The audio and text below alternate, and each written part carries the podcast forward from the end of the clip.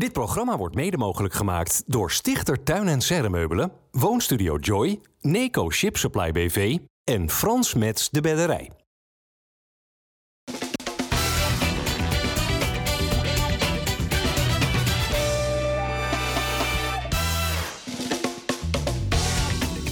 Goedendag dames en heren, hartelijk welkom bij FC Rijnmond op deze maandag. Zijn wij hier met Bas van Noordwijk, welkom Bas. Dennis Kranenburg is er, een van onze Feyenoord-watchers. En Robert Maaskant, weer terug als vaste gast ook in dit programma. Uh, ook in 2023 weer iedere camera of microfoon die je, zegt, die je ziet even roepen wat je ervan vindt of niet? Uh, ja, die kans is wel aanwezig, ja. ja, ja. Dat, uh, dat, wordt er veel voor gevraagd. Beetje, beetje wethouder hacking af en toe, ja. die uh. Ik werd laatst beticht dat ik voor iedere envelop ook kwam, hè, voor die opening. Oh, ja. Is dat waar? Dus ik ben er... Nee, nee, nee, maar ik, ik werk inderdaad voor, voor ESPN.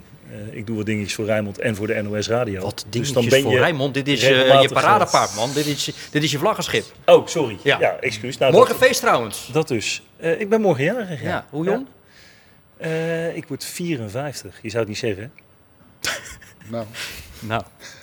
Ik zeg, Zou je dat Was niet rustig, zeggen? ja, jij bent ook bijna jarig, hè? Hey, die bolle Oh, ja, kop van je. ja, Hoe oud word jij van de week? Eh, 68. Hier, Hollands. Kijk, Hollands welvaren. Ja, Kijk hem ja. zitten. Niks mis mee. Bas ziet er gezond uit. En Bas heeft gisteren natuurlijk weer eh vierkante ogen gekregen van al dat voetbal kijken. Ja. Ja, wilde eerst naar het schaatsen kijken, maar ik heb toch al het voetbal gekeken. Dus, Hoe wonderlijk, Bas, is het dat, dat Feyenoord eh, ook na het afgelopen speelweekend nog steeds koploper is? nou, dat is wel wonderlijk, ja. Want eh, ze laten natuurlijk zelf punten liggen, maar de concurrent die deed, die deed het niet veel beter. Nee. Dus wat dat betreft eh, kwam het wel eh, mooi uit. Alleen. Twente, dat was eigenlijk de Twente, winnaar ja, van ja, die komen dan dichterbij, maar die komen niet eh, langs zij. Nee. Maar nou zal een gelijkspel op bezoek bij FC Utrecht wel velen overkomen. Maar hoe vond je Feyenoord? Ja, dat kan gebeuren bij Utrecht. Alleen als je weet hoe Utrecht speelt en, en dat altijd de druk op de ketel gaat en dat het een gekhuis wordt, dat het publiek erachter gaat staan, dan moet je niet zo beginnen. Als je ziet bij de eerste goal dat je, dat je heel simpel die bal op het middenveld verspeelt. Ja, deed dat, ja. eh, vervolgens eh, komt die bal voor, dan loopt er niemand mee, de rugdekking wordt niet gegeven en staat binnen drie minuten met 1-0. Ga er maar aan staan. En dan zegt Kukci na afloop, ja, we hadden ons beter moeten voorbereiden, denk ik. Daar hebben we volgens mij twee maanden de tijd voor gehad. Ja, die jongen die wordt gelijk na de wedstrijd voor die, voor die, eh, voor die camera gezet. En die, die, die roept ook eh, algemeenheden natuurlijk. Onder elkaar zullen ze wel wat anders gezegd hebben. Maar ja, dat, dat, je begint gewoon heel zwak, klaar. En je loopt achter de feiten aan. Ja, daarmee is het begin van de wedstrijd benadrukt. Maar waar hebben we eigenlijk 90 minuten lang aan zitten kijken bij Feyenoord? Ja, ik vond vooral dat Feyenoord het moeilijk had. Hè? Onzeker achterin met Rasmussen, die ik ook ja, geen gelukkige indruk weer vond maken. Je zag dat er ook Feyenoord wel altijd hoog druk zette. Nou, dat lukte ook niet, vond ik. Je merkte dat Feyenoord heel erg eh, aan het eh, eh, zoeken ook was daarin. En terwijl Utrecht dat juist weer wel deed bij Feyenoord. Op het moment dat Rasmussen bijvoorbeeld achterin de bal had met Hansko, werd de bal steeds breed gespeeld, over 2, 3 meter. Het probleem stukje maar verleggen. Steeds En verder vertragen ook achteruit. daardoor, hè? Heel erg vertragen. Het was echt in een heel laag tempo. Waardoor Feyenoord uiteindelijk eh, niet het Feyenoord was dat we gewend zijn om te zien. Maar Robert, als je titelkandidaat bent, als je echt titelkandidaat bent, dan moet je toch winnen bij FC Utrecht? Ja, maar zo stond Feyenoord er volgens mij ook wel in. Als ik de reacties zag van Arne Slot en van spelers die het zelfs op een gegeven moment over verliespartij hadden, eh, terwijl ze gelijk speelden, dan voelde dat ook zo. Eh, maar ik denk in dat, dat volgens mij geldt dat voor bijna iedere Feyenoord-aanhanger, dat dat echte kampioensgevoel, iedereen hoopt dat een beetje, maar dat is het nog niet echt. Daar, daar is het gewoon niet overtuigend genoeg voor geweest. Nou, dan krijg je ook nog eens een keertje de twee toch wel vrij belangrijke spelers die nu geblesseerd raken, eh, of geblesseerd zijn. Timber en Eh, dat je niet zomaar even 1, 2, 3 opvangt. En wat me ook wel opvalt, is dat er, dat er heel snel een negatieve tendens is ontstaan. Want Rasmussen kan er in één keer niks meer van. En, en Pedersen kan er helemaal niks van. En Jan Baks kan er niks van. En de spitsen blijven maar wisselen. Ik vind het ook wel weer wat te negatief voor een Feyenoord wat eigenlijk normaal gesproken op een derde positie zou moeten staan. Ten opzichte van de concurrentie PSV en Ajax. Eh, staan ze daar toch nog steeds boven. Ook na dit slechte weekend. Dus ja, wat dat betreft denk ik dat een beetje positievere benadering geen kwaad zou kunnen. Hmm. Ja, maar Pedersen noem jij nu in je rijtje, maar die was toch best behoorlijk gisteren, dacht ik, op bezoek bij Utrecht. Dat vind ik ook. Ja, Dat vind Ja. ik ook. En de- ik, waar, waar ik me. eh, want ik ben het met je. Ik vond het een enorme slechte wedstrijd. Dat één. Een heel groot. Eigenlijk de laatste 20 minuten werden het pas een beetje leuk om naar te kijken. En wat mij opviel is dat er zo weinig gebeurde met de, met de ruimte die er lag aan de linkerkant. Utrecht heeft onder Zeelbebouwer duidelijk gekozen om heel centraal te verdedigen. Om het heel klein te houden. En eigenlijk was, nou, zeker in die fase nog, uh, Idrissi, die, die ongelooflijk veel vrijheid krijgt. Nou, daar heb ik weinig overlap gezien, wat, wat normaal gesproken een sterk punt is in de, in de teams van Arne Slot. De back eroverheen vliegt of de, of de linker middenvelder eroverheen komt. Dat je een 2 tegen 1 kan uitspelen. Bijna niet gezien. Maar ook te weinig 1 tegen 1 situaties waarin Feyenoord echt meer uit had kunnen halen. Uh, ja, vind ik ze te weinig dreigend geweest. En nou, dat, ik vind dat ze daar wel echt, echt mogelijkheden hebben laten liggen. Hmm, maar dan noem je net allemaal zaken op waarvan je vindt het sentiment is wat negatief. En nu noem je eigenlijk nee, allemaal negatieve zaken nee, en aspecten van die wedstrijd. Ik heb het nu over de mogelijkheden die er lagen, die ze niet benut hebben. Okay, okay. Maar in de algemene tendens, Feyenoord staat nog steeds bovenaan. Uh, krijgen nu weliswaar een wat zwaarder programma natuurlijk. Uh, maar hebben ook gezien, en uh, iedereen begint dan over een kampioenschap van de armoede. Uh, maar het is wat het is. Ze staan er gewoon. Ja, nou ja, goed. Uiteindelijk kwam Feyenoord natuurlijk gisteren wel goed weg. Zo eerlijk moet je zijn. En dus overheerste de teleurstelling. Ja, ik ben wel teleurgesteld over het feit dat we gelijk hebben gespeeld. Maar je zegt terecht als je vijf minuten voor tijd de gelijkmaker maakt, of ik weet niet precies, was het vijf of drie. In ieder geval uh, hadden we daarna nog wel, uh, oh, nee, nee, maar daarna hebben we nog een kwartier mogen spelen, of tien minuten, ik weet het niet precies. Dus uh, tien minuten precies mogen spelen. Hij gaf tien minuten erbij. Hij gaf tien en toen nog een ja, half minuutje erbij. Oh, een half minuutje. Okay. Dus dan hebben we nog best lang de tijd gehad om daarna ook nog uh, te kunnen spelen. Dus, um, dus vanuit dat perspectief ja, mag je blij zijn dat je hier een punt haalt. Maar we zijn hier van tevoren niet naartoe gekomen om gelijk te spelen. En um, dus is dat gewoon een teleurstelling. Maar ja, jij wil elke keer het woord koploper gebruiken, dat snap ik, want dat zijn we feitelijk ook. Maar ik heb al vaker gezegd dat dat nou niet iets is wat uh, elke dag uh, in de bespreking naar voren komt. We moeten beter in staat zijn om tot kansen te komen. En uh, dat was vandaag niet voldoende. Waarom wil Slot zo graag wegblijven bij dat koppositieschap? Ja, ik denk een beetje trainers eigen. Een beetje de druk eraf halen. Maar eerst daar bovenaan.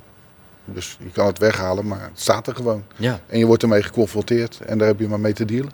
Het kan toch ook juist vertrouwen geven als je juist ziet, we staan bovenaan. Dat betekent dat we het gewoon goed doen in dit seizoen. Maar wel pas na 15 wedstrijden. Je, hebt, ja. je bent nog, echt nog steeds niet halverwege. Je hebt Ajax nog niet gehad. Misschien maar zit dat er ook achter. 2017 hebben we het hele seizoen bovenaan gestaan. Dus er is niks mis mee hoor. Nee. Snap jij de reserve, Robert? Die je hoort en ziet ja, bij slot? ik ben er ook niet zo van. Maar het zit niet zo in mijn karakter natuurlijk. Ik ben liever iemand die, uh, die hoog van de toren blaast en uh, de troepen probeert mee te krijgen. En jij stond er ook heel vaak bovenaan. Dan dat ik... Uh, Hij staat graven. Ik zit er even over na te denken.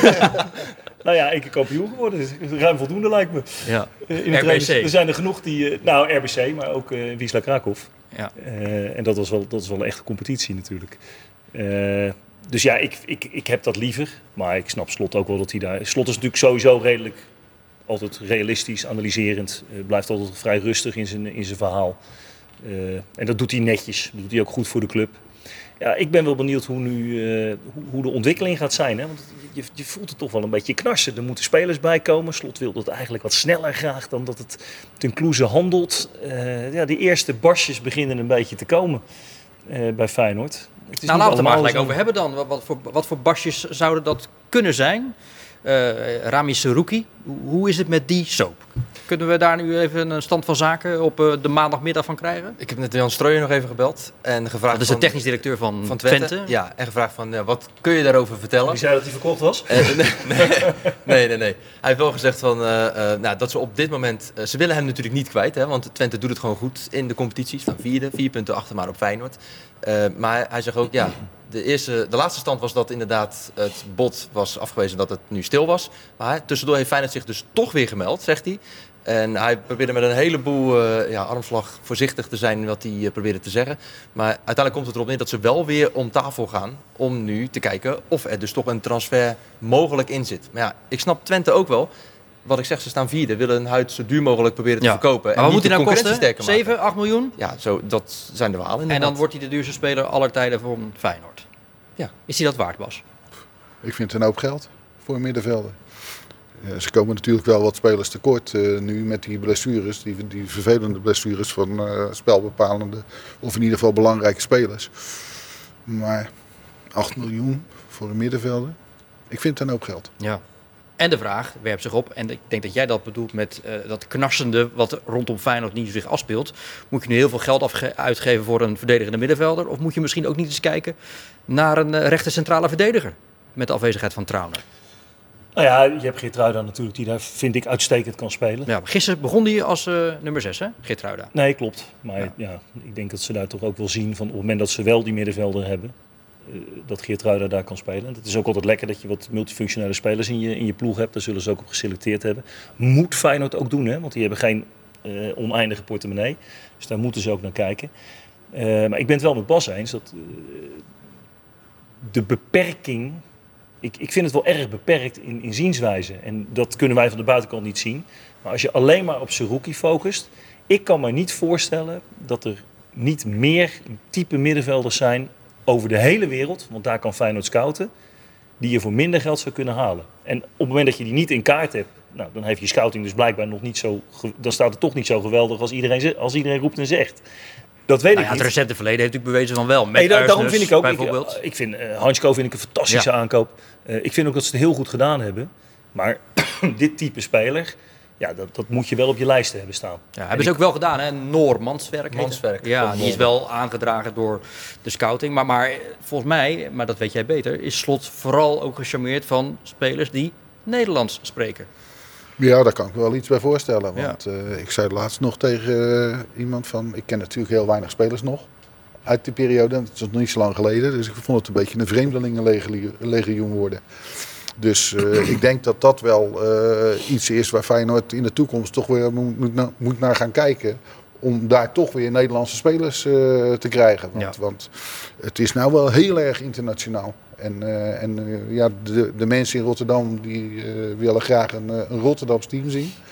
En ik weet wel, prestatie staat voorop. Hè. Dus waar ze vandaan komen maakt niet uit als je kampioen wordt. Het maakt niet uit met, met 40 buitenlanders. Dat is nog, eh, nog Nou ja, prima. gewoon ook even kwalitatief kijken, Bas. Ik bedoel, Ook. eh, Hansko ja. is gehaald, spreekt geen Nederlands, maar is toch een schot in de roos. En als je naar de Nederlandstaligen kijkt, Idrissi, Dilrosun, Timber, houdt Ja. allemaal nog niet heel erg Nee, over. dan- Spreek alleen wel Nederlands. Ja, dan, dan heb je inderdaad wel het feit, het feit bijvoorbeeld een, een Azarkan bij, bij Excelsior doet het toch niet zo slecht. En dan kijk ik naar alle andere spelers die bij Feyenoord lopen, terwijl hij van Feyenoord is. ik, Ja, moet je ze daar dan van ver van halen? Hm. Daar heb ik mijn twijfels Met andere over. woorden, jij vindt dat Feyenoord eigenlijk een poging zou moeten wagen, misschien wel deze maand, om Azarkan terug te nou, halen? dat hoeft niet, maar hij staat nog tot eh, 2024 onder contract. Dus eh, ik maar zou hem volgend jaar een echte ik, kans ik, geven. Ik vind wel het verschil. Hè. Eh, gisteren als ik kan prachtig bewegen. Krijgt die crossbal, krijgt hij, die neemt hij vanuit Ja. de beweging mee. Beetje Maulijnachtig bijna zelfs, Ja. hoe die, hoe die hem in één keer meeneemt. Maar het verschil No is wel... paas heb ik ook nog van hem gezien Bij, ja, maar bij Excelsior, hij Ja. schiet nu die bal voorlangs. Die gaat er niet in. Bij Feyenoord, als hij die bal voorlangs schiet, staat het heel stadion van een lul dat hij die bal Maar er niet in schiet. De druk, Dat is wel het verschil, hè? de druk bij, om bij Feyenoord te spelen in plaats van Excelsior is natuurlijk veel groter. Alleen, ik zie hem wel dingen doen waarvan ik denk, nou geef hem een keer de kans. En, en eh, hij heeft die kansen ook gehad die hij toen niet eh, gepakt heeft. Maar ik denk dat hij volgend jaar toch wel eens een keer dat ze zouden kunnen kijken van, eh, of hij wat toevoegt. Ja. Want ik zie het nu op de flank ook niet gebeuren. Nee? Ook die met Jaan Baks, die invalt, een hele fraaie goal maakt. Ja, maar Oh. dat wil ik ook vanaf het begin zien. Ja, ja. Dat, dat- hij schoot hem fantastisch in. Dus daar is niks op aan te merken. Maar tot nu toe moet ik eerlijk zeggen dat, eh, dat ik het nog niet gezien heb. Maar sowieso in de, voor, in de voorhoede sowieso. Hè. Dat is, nu valt Jaan Baks goed in, maar laten de anderen het niet zien. Je ziet ook bij de spitspositie, Slot zei dat na afloop ook nog. Ja, er is ook nog niet echt één positie. dat is één positie waarvan we nog niet echt kunnen zeggen van dit wordt voorlopig onze vaste spits. Want ook daar blijft hij nog steeds in roleren. Dat is natuurlijk ook nog iets wat daarin eh, Ja, dat meespeelt vind, ik- misschien. vind ik ook wel opvallend. Ik, ik- dat- ik weet niet of jij dat wel eens gevraagd hebt aan, eh, aan Slot. Eh, hij wisselt nooit, of in ieder geval niet dat ik gezien heb, Jiménez erbij. Nee. Dat vind ik opvallend, want dat vind ik aan zich, als jij moet, een doelpunt moet maken in die fase en op het moment dat je kampioen wil worden, dan moet je er van die gelijkspelletjes af Hmm. en moet je dus ook op je gelijkspel nog voor de winst durven te spelen. Ja, waarom zou dat niet met z'n tweeën kunnen? Ja. Gisteren had ik dat idee ook wel, dat hij misschien wel hem erin zou brengen. Nou, ik zou dat helemaal geen raar. Als plan B zou ik het helemaal niet gek vinden om die twee centraal te hebben. Nee. En daar omheen, eh, dan kan je ook misschien toch een wedstrijd wat beter controleren nog. En het verrast mij eigenlijk dat ze dat nooit doen. Ze hebben het ook vriendschappelijk niet geprobeerd. Hebben ze ook met andere mensen gespeeld. Ja. Ja. En het zijn er nog eens twee andere type spelers. Dus Nou ja, volgens mij zijn ze complementair. Ja. Goed, eh, even terug naar die goal van eh Jaan Baks. Dat was trouwens pas de eerste eh, poging tussen de palen van Feyenoord. Gisteren in de 90ste minuut op bezoek bij FC Utrecht. Ja, pijnlijke constatering, maar goed, het is niet anders. Hij schoot hem lekker binnen. Ali Reen zei Jaan Baks. En ondanks dat hij een toch een behoorlijk zware tijd heeft gehad met Iran op het WK... is hij vol zelfvertrouwen en wil hij graag bij Feyenoord blijven. ik heb, toen ik hier gekomen, ik had het gevoel dat uh, voor mij dit is place to be. En uh, ja, ik ben blij hier.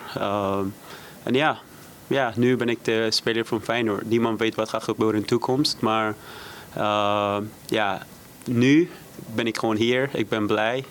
En ik probeer iedere wedstrijd te belangrijk te zijn. En meer, meer minuten te maken. En ja, ik, ik, kijk naar toe, zeg maar, die donderdag. Ook wel zelfverzekerd. Ik vind het wel knap eigenlijk. Als je weet wat hij ja, uh, heeft meegemaakt recent. Ik ben positiever over hem dan, dan menigeen. Omdat je gewoon weet wat hij kan. En uh, gisteren schoot hij die bal inderdaad fantastisch in. Maar bracht sowieso gif toch bij zijn invalbeurt? Ja, maar dat vond ik met de spits ook. Jiménez. Weet je, die scoorde uh, overigens ook nog, ja, maar was, was terecht spelpositie. Maar ja. ja. die vind ik ook wat, wat... Mijn persoonlijke mening is dat ik liever Jiménez zie spelen in de spits. Dat vind ik toch een wat meer een Feyenoordman die ook wat meer vuur brengt dan Danilo. En Danilo heeft het goed gedaan, hè? Begrijp me niet verkeerd. Maar Jaan Baks, ja, een speler met creativiteit. Hij heeft links en rechts nog een keer een strafschopje veroorzaakt wat punten opgeleverd heeft. Uh, hij moet dit gewoon kunnen in de Nederlandse Eredivisie. Je zegt over de spits inderdaad, dat Danilo is, ja, dat heeft Slot volgens mij ook inderdaad aangegeven van... Jiménez laat het vaak wel zien, maar wel in een invalbeurt. Dus hij zegt van als hij vanaf het begin start, dan is het vaak niet ja, wat hij ervan verwacht. Ja, en Danilo past weer meer in de speelstijl zoals Slot het graag wil zien. Met dat aanvallende uh, hoge druk zetten. Ja, dan is Danilo daar een... Ja, ja meer hebben we gisteren tegen Utrecht dacht ik niet gezien, toch? Nee. nee. Ik, vond, ik, want ik vond, ik, Slot vertelde ook van ja, dat vond ik een beetje een Ajax-redenatie bijna. Van ja, we hebben Utrecht kapot gespeeld en daarom maken we in die laatste minuut een goal. Ja, dat vond ik echt een onzinverhaal. Dat is de eerste keer dat ik hem betrapt heb op een, uh, op een verhaal van nou, je bent nu iets aan het goed praten wat er niet was. Maar ze waren wel fitter toch dan Utrecht? Nee, maar Utrecht was, dat klopt ook wel. Utrecht was op een gegeven moment ook wel een beetje klaar. En nogmaals, ze gaven heel veel ruimte aan die zijkanten weg. Fijn dat ja. te weinig mee deed, vond ik. Uh, Wat ook niet lukte, Warschau, die, die kwam uh, geen krant voorbij. Dat had niks met de wedstrijd nee. te maken dat Feyenoord dominant was in balbezit. Nee, dat is waar. Hoe, hoe kwam het dat het aan die linkerkant inderdaad maar, maar niet marcheerde? Het was natuurlijk vanaf het begin, die van de Marel, die geeft twee een cake. Ja. En ze laten het gewoon gebeuren. Denk, ja. nou, je gaat een keer uh, lekker de reclameborden over, of weet ik het wat. Maar uh, tot hier en niet verder. Ja, want Pashao en, en hebben er eigenlijk last van gehad. Ja, natuurlijk. Dat, ja, dat liet dus al gewoon gebeuren. En dat hoeft dat niet gelijk van uh, dat je een rode kaart krijgt, of weet ik het wat. Maar je mag toch wel wat tegenover zetten. Dat, dat, je denkt van, ja. maar ik laat me hier niet afbluffen. Het zal even lekker zijn. Er was ook maar een opstootje op een gegeven moment, hè, de tweede helft. Je zag al die spelers van Utrecht kwamen met z'n allen massaal ernaartoe om elkaar te helpen. En de spelers van Feyenoord stonden een beetje, nou, bijna apathisch erbij te kijken. Nee, maar goed, Pashao, dat loopt inderdaad dan niet op links. En die heeft een, een keekie gehad wordt gewisseld voor Idrissi. Maar wat was er met Idrissi aan de hand? Ik weet niet, een hoog uh, irritatieniveau. Ja. Want, want overal was hij geïrriteerd. Op een gegeven moment zie ik hem gewoon een bal, een vrije bal die hij krijgt, zie ik hem zomaar wegschieten. Ja, ik, denk, ja, ik, ik weet niet wat, wat, wat, wat zijn plan was. Maar... kortsluiting. Nee, maar ik, ik heb het, want hij was daarna kwam hij ook nog in beeld dat hij kwaad was op een gegeven moment. Maar hij dacht dat er gefloten was. Dus oh. hij schoot die bal inderdaad weg, maar okay. dacht dat het spel dood lag. Ja. Dus ja, maar was... de, de, irritatie bij hem was al vanaf het begin aanwezig. Ja. Bij, de, bij de, die actie en dat opstootje dan, weet je wel. Ja, Waar zou dat vandaan komen? Uh, ja. Geïrriteerd dat hij niet speelde waarschijnlijk. Dan kun je beter op een andere manier laten zien. Ja. Ben ik met je eens. Aan de andere kant, jongens, hij geeft uiteindelijk de assist waar Jaan Baks uit scoort. Nee, ja, prima. En twee minuten later is hij nog heel dicht bij de winnende, die uh, maar net uh, voorbij gaat. Ja. Dus, uh, nou ja. Nee, ja, het, het is... hij kan ook de beste beslissen, dat bedoel ik er maar mee hij te zeggen. Hij is natuurlijk weer een tijdje eruit geweest. Hij was er natuurlijk wel, toen hij bij Feyenoord kwam, had hij al niet veel gespeeld. Toen raakte hij geblesseerd en nu komt hij weer terug. Ja, nu zal hij toch die opbouw moeten hebben, want dat zal niet in één keer gaan. Dat lijkt me wel duidelijk. Nee, maar Feyenoord kwam natuurlijk ook nog wel goed weg. Hè? Want we noemen nu even snel de, de kansen die er nog kwamen. Bal op de, bal op de paal. nou ja, dat vond ik... Feyenoord heeft best wel wat kansen weggegeven. Ook Bijlo nog met een redding. Ja. ja. En aan de andere kant, uh, Jiménez, het balletje met links, wat hij, uh, wat hij probeert. Wat, wat ook fantastisch gepakt door de keeper trouwens. Bas zei al... jouw tijden, Bas. Die had jij ook gehad. Nee. Daar ga ik niet over uit. Daar ga ik niet over uit. Heeft hij gelijk of niet? Nou, hij wil maar de tent lokken. Daar kijk ik oh. en dan kijk ik hem uitgemeten. Ik zie hem al komen. Altijd oplossen. Die ja, daarvoor. Jij sprak, Dennis, uh, vrijdag, uh, voorafgaand dus aan de wedstrijd, met Jens Toornstra ja. in Utrecht. Die zei nog toen tegen jou in de microfoon, nee, ik ga niet scoren waarschijnlijk tegen Feyenoord. Want ja. ik kom tot niet in de positie. Ja, ik heb een iets defensievere rol nu bij, uh, bij FC Utrecht. en we zijn twee minuten bezig en die bal die ligt er dan in. Ja. Wat ook opviel bij die training waar ik dan bij was afgelopen vrijdag, was dat doelpunt wat Utrecht dan uh, scoorde. Dat was echt precies waar ze vrijdag op hadden getraind. Bal via de rechterkant mee, voorgeven, terugleggen, inlopen. Ja, het was echt een trainingsdoelpunt. En dat hij dan toevallig dat doelpunt maakt, ja, dat is uh, ja, toch wel bijzonder. Even nog, nog, nog terug naar uh, de soap rondom uh, Zerouki. Um, nou ja, of die naar Feyenoord komt en of dat dan nog deze maand is of van de zomer, dat, dat weten we nu nog even niet. Maar de vraag is wel eventjes, wie doet nu de zaken bij Feyenoord? Er is namelijk geen technisch directeur of technisch manager, alleen een algemeen directeur. Hoe gaat dat nu bij de club? Nou ja, uh, Kloeze overlegt met Arne Slot, met de technische staf en uiteindelijk ook met de scouting. Om te kijken welke spelers er geschikt zijn. Nou, als daar groen licht uitkomt voor een bepaalde speler, dan moet er uiteindelijk toestemming worden gegeven vanuit de Raad van Commissarissen. Dan is het uh, Toon van Bodegom, president, en uh, Sjaak Troost, voetbaltechnische zaken, die daar dan ook nog een uh, ja, flinke stempel op kunnen geven, zeg maar, om zo'n transfer wel of niet door te laten gaan. Niet sportief neem ik aan toch? Dat zal puur financieel zijn. Ja, vanuit. Nou, Troost niet, die zal er ook sportief ja, gezien iets over mogen ja, zeggen. Dat, denk ik dat zou ik heel vreemd vinden. Waarom? Nou, ik vind als jij jouw hoofdtrainer, inclusief het scoutingsapparaat, een positief advies geven, dat je daar als één man vanuit de RVC niet tegenin moet gaan. Nee. Dan stel je je wel heel erg hoog in de, in de hiërarchie op. Ik kan me bijna niet voorstellen. Ik, financieel is het altijd zo trouwens, bij iedere club. Hè? Tuurlijk. Bij iedere speler. Er moet er controle op zijn. We hebben als, als, als trainers ja. en als technisch directeuren... dan hebben we altijd het verhaal dat, dat je zelf bepaalt wie er spelen. Ja, dat is niet zo. Er is maar één man die echt bepaalt in de club. Dat is de financiële man. Dat is degene die uiteindelijk zegt... Ja. dit is jouw stempel, die speler kan je betalen, ja of nee. En niemand anders. Maar ik stelde de vraag eigenlijk meer, Bas, vanuit uh, de gedachte of het niet iets ongemakkelijks heeft dat de algemeen directeur uiteindelijk nu tot degene is die moet onderhandelen, die ja, spelers nou, misschien wel moet benaderen. Wat ik, wat ik vreemd vind, dat zowel uh, Feyenoord als PSV geen technisch directeur heeft. Alle drie Daar niet. snap ik echt absoluut niks van. Hoe zou het komen? Ja, ik begrijp het niet. Ik, ik begrijp het echt niet. Er zullen toch wel kandidaten zijn die daarvoor geschikt zijn. En, en ik denk dat de algemeen directeur van Feyenoord, de Kloes in dit geval, die heeft nog wel wat dingen op zijn bord liggen. Dat bedoel ik maar. En dus of het een blijft liggen, of het ander, dat loopt niet. Dus Nou, ik kijk, weet niet, zeg niet dat het niet loopt. Nou, in het voordeel van de Kloeze moet je zeggen dat hij wel ervaring heeft natuurlijk Nee, als technisch directeur. Absoluut, maar Bij daar, Mexico en daar Amerika. gaat het ook niet over, maar hij is algemeen directeur. Precies. En, en ze hebben geen technisch directeur. En dat is niet de functie waar je zomaar even overheen loopt. Daar is echt, zit, gaat veel tijd in zitten. En, en zeker wat betreft aankopen en dat soort dingen. Overleg met de trainer. En zowel Feyenoord als PSV hebben geen technisch directeur. Begrijpt er helemaal niks van. De technisch directeur gaat er ook niet meer komen bij Feyenoord. Ze gaan dadelijk een technisch manager aanstellen. Ja, hoe je hem ook wilt noemen, Ja. dat maakt me niet uit. Het gaat Maar even om het werk dat nu gedaan moet worden. Moet nu onderhandeld Ja. worden. Ja. Tenminste, eh, Robert die, die, die, die heeft daar denk ik ook wel een mening over. Je moet Nou, toch een technisch... niet voorstellen. Nee, ja, ja, Nee. nou ja, zoals gewoonlijk. Maar hoe heet dat? Je moet toch een technisch directeur hebben? Nou ja, ik, inderdaad, technisch directeur, technisch manager. Je moet een, een technisch team hebben. Wat, en zeker bij Feyenoord zou ik zelfs willen opteren voor iemand die verantwoordelijk is voor het binnenhalen van spelers. En iemand die verantwoordelijk is voor de verkoop van spelers. Want dat zijn toch weer twee verschillende takken van sport. Eh, maar er moet iemand zijn die dat totaalplaatje in de, gaten houdt. Die de scouting aanstuurt. Die contact heeft met die, met die staf. Dus ja, ik vind ook dat die functie belangrijk is. En ik, ik vind aan de andere kant... wat vind je dan van dat nu de algemeen directeur dat doet? Nou, die, die vind ik wel capabel, want dat is gebleken. De- hij heeft bewezen dat hij eh, de, de afgelopen transferperiode, ook in een, in een hele hectische situatie, heeft hij de goede dingen gedaan. Alleen ja, het is wel de voetballerij. Eh, een halfjaartje later staan dingen weer op zijn kop en moet je weer presteren. Ja. Nou, dat- dat is nu de vraag of dat gaat lukken. En ik ken de financiële situatie van Feyenoord niet. Hè. Eh, de- we noemen net de RVC.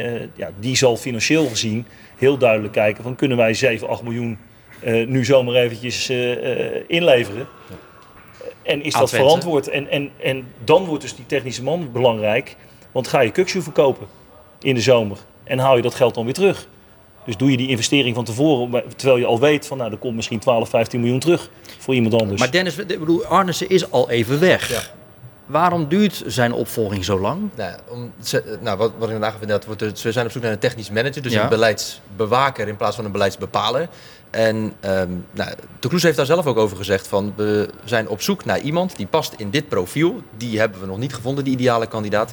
De winterperiode is een periode waarin we een rustige periode verwachten. Nou ja, Dus geen haast. dus geen haast. En zeker met die zomerperiode waarin het drukker gaat worden, daar zal dan wel Ja. meer je kijkt worden heel bedenkelijk. Ja, geen haast met betrekking tot eh, zo'n transfer die dan tussentijds moet, moet plaatsvinden. Misschien nu, hè, met Maar- 8 miljoen euro. Maar volgens mij is het januari. En in eh, juli, eh, juni gaan we weer aan de volgende beginnen. Zo is het. Dus, en dat doe je ook niet zomaar even. Dat moet ook voorbereid worden. Dat loopt ook gewoon door. Dus daar heb je toch echt, hoe je hem ook noemt, technisch directeur, technisch manager voor nodig. Die die voorbereiding daarvoor treft. Want Ja. dat moet nu al Daar moet je nu al mee bezig zijn. Vanaf 1 januari mogen spelers met andere clubs praten. Ja.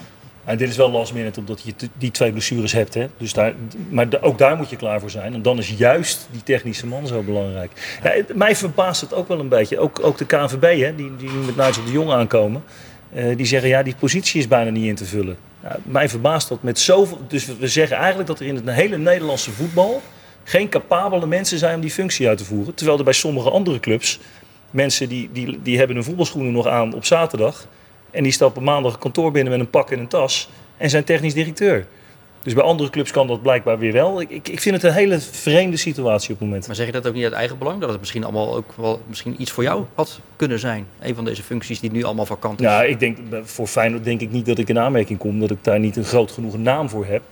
Uh, ik zou bij andere clubs had ik die, die, Ik doe nu hele andere dingen trouwens. Hè, met, met, ook met coaching. Maar uh, ik vind het in het totaalplaatje dat we wel heel erg denigerend zijn naar de kwaliteit die we in Nederland hebben rondlopen.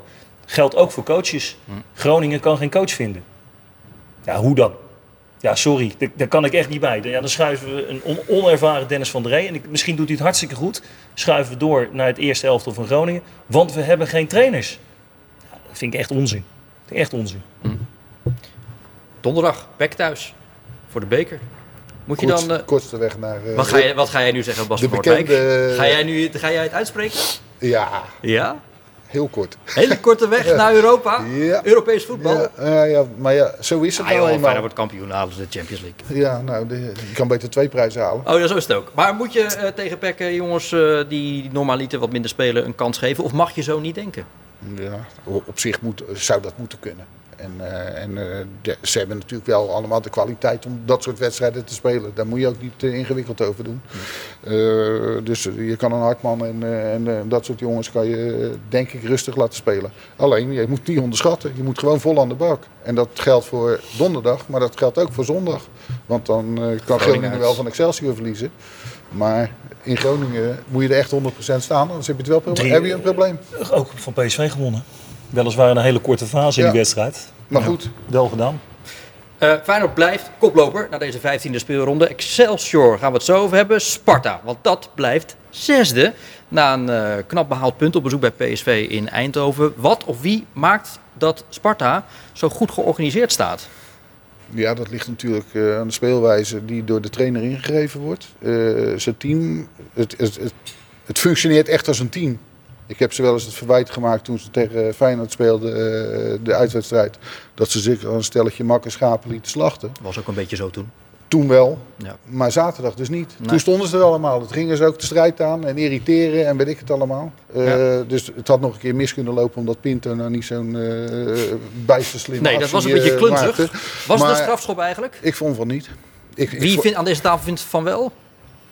Ja, als, je, als je 1400 herhalingen ziet in slow motion, dan, dan zie je dat ja, hij raakt hem. Maar ja, maar hij valt er niet door. Ja, nee, hij zet toch een stap. deze vallen. Ja, pas nadat uh, net, uh, Pinto uh, al de actie ingezet. Ja, ja, ja. Die, die, die, die, liet nog wat hangen, zo'n been. Ja. Denk, nou, dan, dan ziet het er nog uit. Prima, ik kon je prima mee leven, dat hij niet gegeven Ik ook. Knap van die scheidsrechter, jongen, jongen. Ja. Ja, dan moet je ook wel ballen hebben, nou, om dan niet te geven. In het stadion en dan ja, uh, je wordt daar naartoe gered dit seizoen tegen RKC met ja, een dubieuze strafschop. Ja, maar deze, deze, ja, ik vond het niet. Maar. Nee. Um, maar heb je Sparta eigenlijk, dat trouwens een resultaat haalt bij PSV, dat is op zichzelf een zeldzaamheid. Maar heb je ze in de problemen zien komen?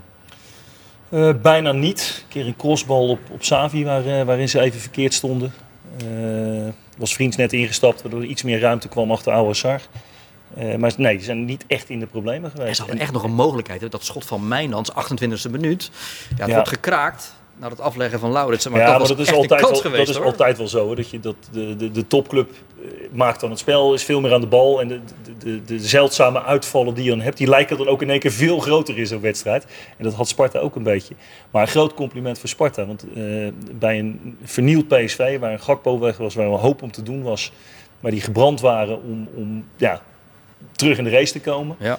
En dan uh, daar een punt halen, dat is knap. En ik, ik vind het, uh, ja, die twee, Vriends en, en Ouassar, maken het heel sterk. Maar natuurlijk ook de twee in de as, de, de, de spits en, en uh, hoe heet die? Verschuren. Verschuren, die het Verschuren, fantastisch ja, doet. Absoluut. Die het echt ja. heel goed doet. Ik vind het eigenlijk wel grappig ook dat de familie Gudde speelt daar natuurlijk een grote rol in. Dat Groningen die, die verkopen Strand Larsen. En uh, Sparta komt dan met, uh, hoe heet die, Paulus... Lauritsen. Lauritsen, sorry. Lau Paulus, hoe komt daar ja. bij? Die speelt bij Cambuur. Met Lauritsen, die, die elke bal doorkopt, die, die geweldig sterk daar speelt. En pikken dan ook amper nog even Kietelanum op. Ja, ik vind het knap. Ik vind het ja. goed gescout. Zeker. Um, de grote vraag vooraf bij Sparta was toch, um, na een onderbreking van twee maanden, wat dat zou doen met die flow. Dat vroeg uh, Maurits Stijn zich ook af. Ja, kijk, je, je, zit natuurlijk als je die winterstop in gaat altijd, uh, uh, natuurlijk heel veel vragen van je zit in een goede reeks en wordt onderbroken. Nou, ik heb toen al gelijk gezegd dat het bij ons wel heel goed van pas kwam. Hè. Onze Noor hadden alle hele competitie achter de rug. We hadden wat blessures, die overigens nog steeds niet, niet terug zijn, hè, Namli en de Guzman. Maar we hadden wel het idee dat een aantal jongens het, het, nodig hadden. Ja, en na die 2,5 week ja, was het eigenlijk vanaf de eerste training wel weer prima. En goed getraind, uh, goede oefenwedstrijden gespeeld, gewonnen van Spezia, gewonnen van Vitesse, uh, verloren bij Westerlo, maar wel, wel prima gespeeld. Dus ja, wij hadden wel vertrouwen in deze wedstrijd en in de tweede helft van de competitie. Met uiteindelijk een 0-0 op bezoek bij PSV. En Bas, ik heb een enkele Sparta-supporter de afgelopen dagen na dus dit punt horen zeggen... dinsdag pakken we ze. Dat ga ik wel hopen, maar daar komt nog wel wat voor kijken hoor. Want uh, kijk, nu waren ze natuurlijk al zo dat ze uitspeelden dat ze onder druk gezet werden. Tenminste, voor zover je over druk kon, uh, kon spreken. Maar ik denk dat uh, de messen wel geslepen zijn nu. Dat, dat er wel uit een ander vaartje getapt wordt. Ja, ja, ja, ja. Want, nee, maar op, op het moment dat, dat PSV natuurlijk kwalitatief toch beter. Ja. ja. die moeten nu wel echt staan van uh, dat doen we niet even. Nee, nu moet het er volop. Maar wel een kolkend kasteel uh, morgenavond erachter. Nee, dus, absoluut. Ja. Maar, dat, maar uh, vind jij nou dat, dat Sparta boven zijn stand leeft? Of is dit gewoon een reële positie? en heb je misschien van de ploegen onder je, dus vanaf plek 7, misschien niet eens zoveel te vrezen? Nou, of je niet veel te vrezen hebt. ik vind dat, dat Sparta gewoon naar hun kwaliteiten speelt. En, en dan leef je niet boven je stand. Nee. Welke ploeg kan er dan nog over Sparta heen komen? Utrecht. Utrecht, ja. Staat gelijk in punten nu ook. Ik denk dat Sparta... Ik, ik vond overigens voor het seizoen ook al. Hè. Sparta heeft een selectie waarin ze gewoon ruim in de middenmoot kunnen spelen. Dat, dat doen ze boven verwachting goed. Ik denk dat die zesde plek misschien net eventjes te veel gaat worden straks. Uh, ja, dan zal inderdaad Utrecht zal er misschien voorbij komen. Heerenveen, als die wat vaker gaan winnen, zou nog een ploeg kunnen zijn die dat doet. Uh, en voor de rest denk ik gewoon dat ze een keurige play-off positie gaan halen. Ja, en dan, nou, ja, toch, dat is toch fantastisch. Dan ga je maar kijken. Ja, dat is fantastisch. Ja, absoluut. Zeker. Maar goed, dat is ook nog wel ver weg. Normaal, we zijn nog niet eens. Ja, maar het is geen drie, drie, jaar geleden dat Sparta dan ook gewoon speelde. Nee, dat is niet zo heel lang geleden. Anderhalf jaar geleden. Ja. Maar goed, hoe, hoe, tevreden wij hier nu ook praten over uh, Sparta en net over Feyenoord. Er was uiteindelijk maar één Rotterdamse Eredivisieclub die won. Excelsior. Met 1-0 van, van FC Groningen. Excelsior nu twaalfde in de competitie. Was eigenlijk verdiend? Ja, ik heb die wedstrijd uh, zitten kijken. Jij kijkt alles. Uh, ja, vandaar die vierkante ogen. Ja. Maar uh, ja, ik vind het knap van Excelsior. Ik vind het echt dat je, dat je op, die, op, op zo'n manier met, met beperkte middelen echt gewoon goed presteert. Want ze staan twaalfde. Ja. Ik vind het terecht ja, en verdiend. Zeker. Um, de vraag was ook een beetje in hoeverre het idee van voetballen bij Excelsior ten opzichte van de eerste seizoenshelft nu is veranderd. Het moet wat realistischer en volwassener. Nou, die heb ik inderdaad met name de tweede helft gezien. Gewoon, uh, gewoon ja, zeker als je zo'n 1-0 voorkomt, gewoon uh, alles overstrepen. Niet, niet te veel opbouwen meer, wat sneller lange bal kiezen. met z'n allen verdedigen, met name in de passie en in discipline. Nou, dat heb ik wel gezien, tweede helft, ja. Ik, het is wat minder naïef en, en met z'n allen vooral verdedigen. Dus iedereen moet ook achter de bal proberen te staan. En dus daar hebben we ook op getraind de afgelopen zes weken. We willen minder tegen goals krijgen. Dan uh, is de kans ook wat groter dat je een wedstrijd kan winnen of gelijk kan spelen. En ja, dat hebben we dus met z'n allen gedaan. En dan zie je dat dit uh, mooie resultaten van, uh, van terecht komt. Ja, dat is zeker een lekker resultaat voor Excelsior. Maar Bas, toch vooral dankzij één iemand, toch? De keeper. De keeper, ja, daar kom ik toch even bij jou. Ja, de keeper, maar de, de keeper speelt wel een grote rol. Ja. Het is natuurlijk wel lekker als je een keeper hebt die, die echt uh, dit soort uh, prestaties neerlegt. Maar die Stijn van Gasselbas die gaat dus door waarbij die wat hij in de eerste helft van het seizoen ook al liet zien. Namelijk punten pakken voor Excelsior. Ja, en daar, uh, dat, dat is het verhaal natuurlijk van, van dat hij dat al een langere tijd doet. Het is niet, niet een uitschieter of zo, nee. maar hij staat er gewoon... Uh, ik denk dat dat toch wel wat zekerheid geeft aan de achterhoede. Waarvan je denkt van, nou ja, als we een, uh, een steekje laten vallen, dan, uh, dan, dan staat hij er nog. En dat was gisteren dus ook weer bij die, bij die kans van die Van Bergen. Ja. Ja. Ik, ik denk zo, nou, die vliegt erin. Die hangt Niet al. dus. Ja. Hoe lang zal die nog te houden zijn van Gastel voor Excelsior? Ja, ik denk, ik vind het, behalve dat het een aardige gozer is, ook nog een, echt wel een, gewoon een goede keeper. Eh, hij heeft iets onbevangers ook altijd, vind ik wel. En eh, ja, Bas zegt het net ook, hij pakt punten ook voor zijn ploeg. Ja, het zou mij niet verbazen als hij na dit seizoen een stap gaat maken. Naar? Nou ja, er wordt ook weer gezegd over Noppert dat hij bijvoorbeeld wel eens weg zou kunnen gaan bij Heerenveen. Nou, waarom zou dan Stijn van Gassel daar niet naartoe kunnen? Waarom zou Van Gastel niet naar Heerenveen kunnen, Robert? Omdat er nog één nog een keeper zit. Eh, en twee Maar die zal toch wel weggaan? dat hij het prima doet. Ja, nou ja, dat moet gaan blijken. Want eh, bijvoorbeeld een Ajax halen dan eh, iemand uit Spanje voor, voor heel veel centjes. Roelie van Villarreal. Die, die al 30 is. Eh, dus die zien het dan toch blijkbaar niet in hem zitten. In Noppert niet? Ja, anders haal je hem wel. En eh, ik, voorlopig heb ik ook geen andere transfer eh, gezien die, eh, die, die voor hem in aanmerking komen. Dus ik ben benieuwd. Maar even, even naar, naar Stijn. Ja, doet het fantastisch bij Excelsior. Hij heeft ook in zijn data een heel hoog reddingspercentage. in de expected goals houdt hij er heel veel uit. Dus wat dat betreft doet hij het goed. Maar je moet ook wel kunnen kijken naar een keeper. Ik heb geen, trouwens niet geweldig verstand van keepers hoor. Maar je moet ook wel kunnen kijken naar een keeper die het goed doet. Per se bij een ploeg die heel veel onder druk staat. Ja. Is niet per se een goede keeper die zomaar even in de subtop kan gaan spelen. Nou ja, kijk, Want bij dat vergt toch weer andere kwaliteiten. Ja, krijg bij Excelsior 15 ballen om te verwerken. En Ik bij, geloof dat ze 90 ballen op goal hebben gehad. eh. ja, en bij andere en bij grotere clubs, hè, nou, dat, is, dat, is wel een, krijg je er dat, is, drie. dat is wel een verschil. Ja. Ja. De, de, bij de grotere clubs wordt het, eh, is het een stuk lastiger. Jawel, maar je moet je dan toch nog onderscheiden. Nee, En dat doet absoluut. hij. Nee, maar kijk, we moeten het ook niet kleineren. Daar Nee. gaat het niet om. Maar het verschil bij een grote club is natuurlijk... je krijgt drie of vier ballen op de goal. Ja, die moet je pakken. Ja. Als je daarvan gaat, dan ben je aan de beurt natuurlijk. Ja. En nu krijg je zoveel dat, dat hij groeit ook in, in wedstrijden, weet je wel. Maar blijft buiten kijf. Prima prestatie. Ja, genieten jullie ook zo nu van dat duo Azarkan en Goudmijn? Dat is, dat is, ja, ik vind dat smullen nu bij Excelsior. hoor. Ik ook. Ja, ik heb, Azarkan heb ik al eerder eens een keer gezegd. Daar heb ik toch nog mijn vraagtekens bij. Ja, hè. Bas niet, hè, heeft hij eerder eh, deze uitzending gezegd. Ik vind het is eigenlijk Ik eh, heb- goed nee, genoeg voor Feyenoord. Maar goed, ik, ik, heb het al, ik heb het vaker gezegd. Van, van, van wat hij nu laat zien, dat is echt prima. Dat deed hij verleden, afgelopen seizoen ook al. Alleen, hij heeft natuurlijk al drie jaar de kans gehad bij Feyenoord in de voorbereiding. En die pakte hij toen niet. Nee. Om wat voor reden dan ook. Dus de, daar blijf je altijd een beetje twijfel houden natuurlijk. Alleen ik gaf het vergelijk met van wat er nu bij Feyenoord eh, te zien is aan de flanken. Dat vind ik nog steeds eh, twijfelachtig. En wat hij dan laat zien, dan denk ik, ja, dan kun je hem volgend jaar Doet nog een keer de kans onder. geven. Nee. Hij is wat handig wilde jij zeggen? Hij is, ja, hij is absoluut handig genoeg. Maar nogmaals, ik, ik heb daar mijn twijfels over. Maar dat is puur, ik kijk daar dan als trainer naar. Eh, bij, tussen Excelsior en Feyenoord zit een, een, een gigantisch verschil. Eh, nou ja, dat verschil weet ik niet. Hij, zal incidenteel zou hij het ook bij Feyenoord goed doen trouwens. Hè. Zou hij ook zijn acties hebben. Maar als je het nou over Goudmijn hebt. Ja, dat vind ik echt een fantastische speler. En daar zit nog zoveel potentie in. Die is zo goed aan de bal. Gisteren maakte hij ook weer een fantastische actie via de linkerkant. Dan, eh, dat hij over de achterlijn helemaal doorkomt.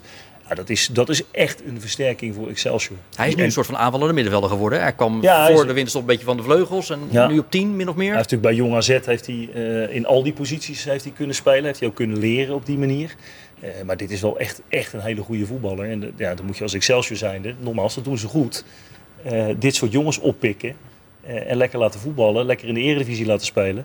Ja, dat, dat, dat is goud waard voor Excelsior. Maar zie je Goudmijn dan misschien ook wel dadelijk zo'n stap maken inderdaad van Excelsior 1 naar AZ 1? Ja.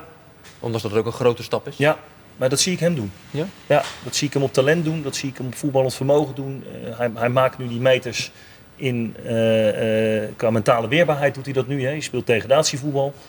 Eh, dus ja, dat zie ik hem absoluut doen. En Eredivisie nu En in de. Eredivisie. Ja, Gewoon met Ja. volle bak weerstand in Ja. al die grote wedstrijden.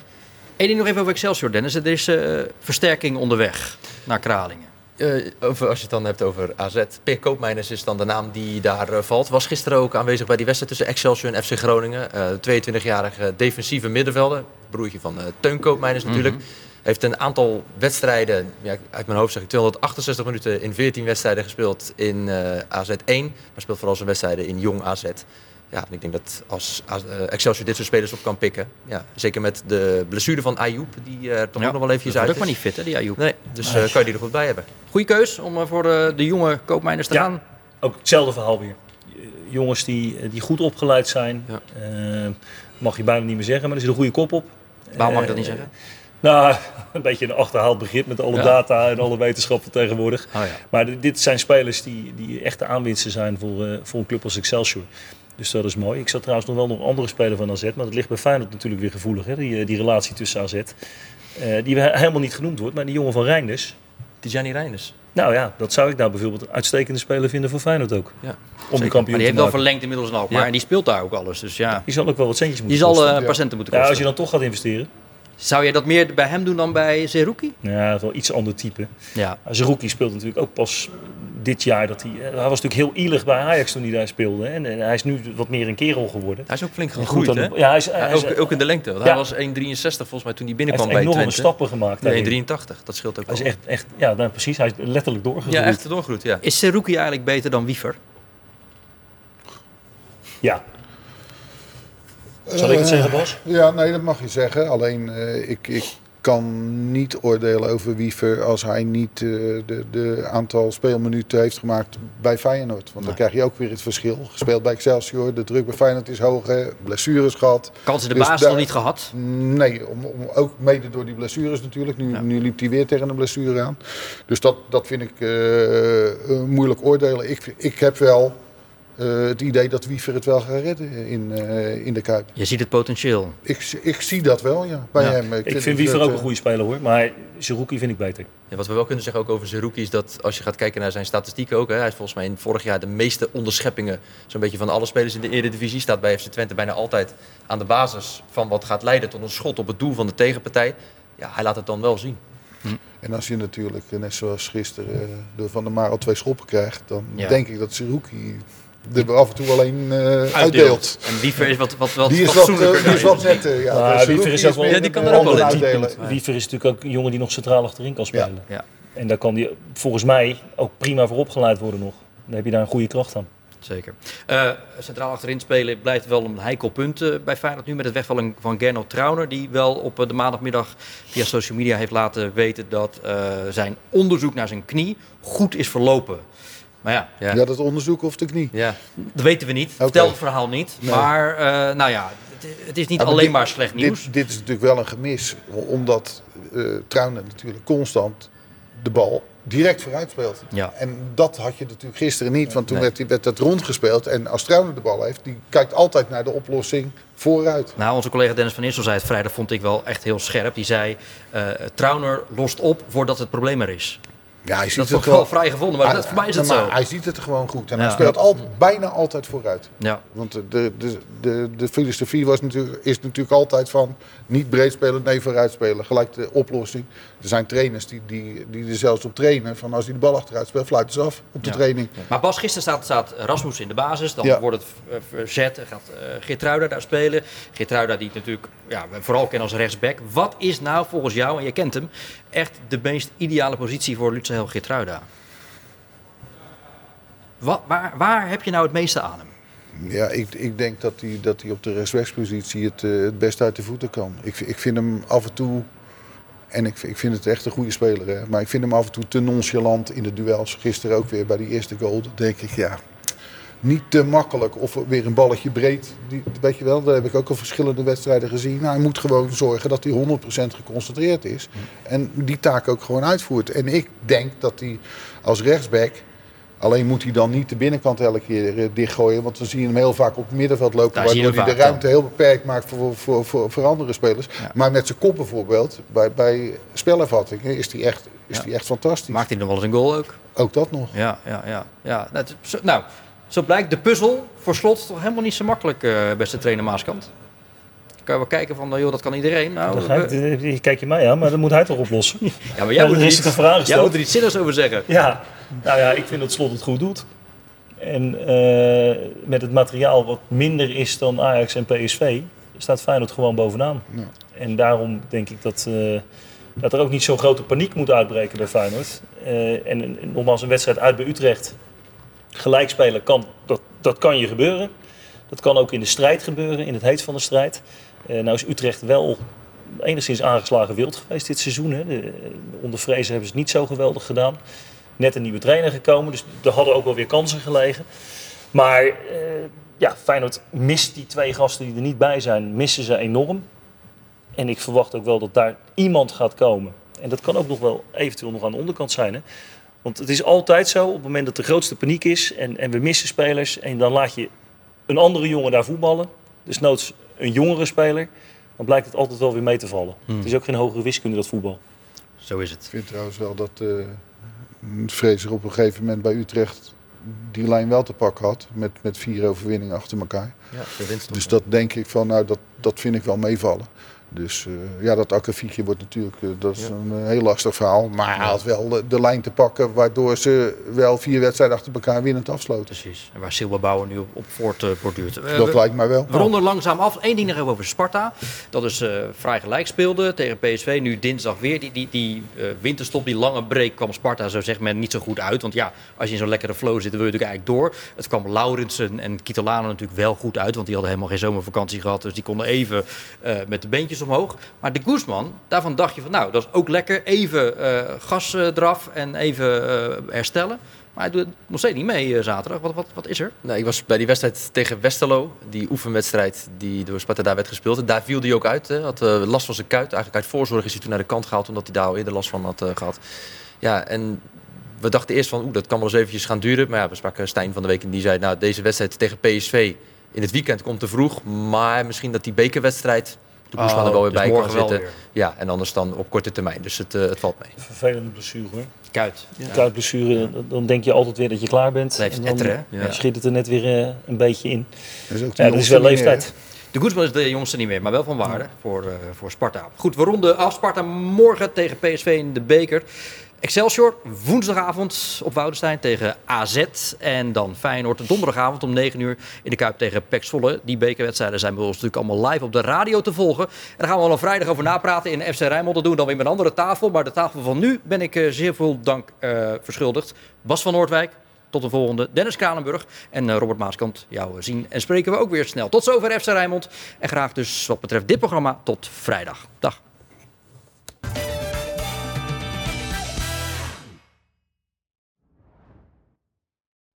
Dit programma werd mede mogelijk gemaakt door Stichter Tuin en Serremeubelen, Woonstudio Joy, Neco Ship Supply BV en Frans Mets de Bedderij.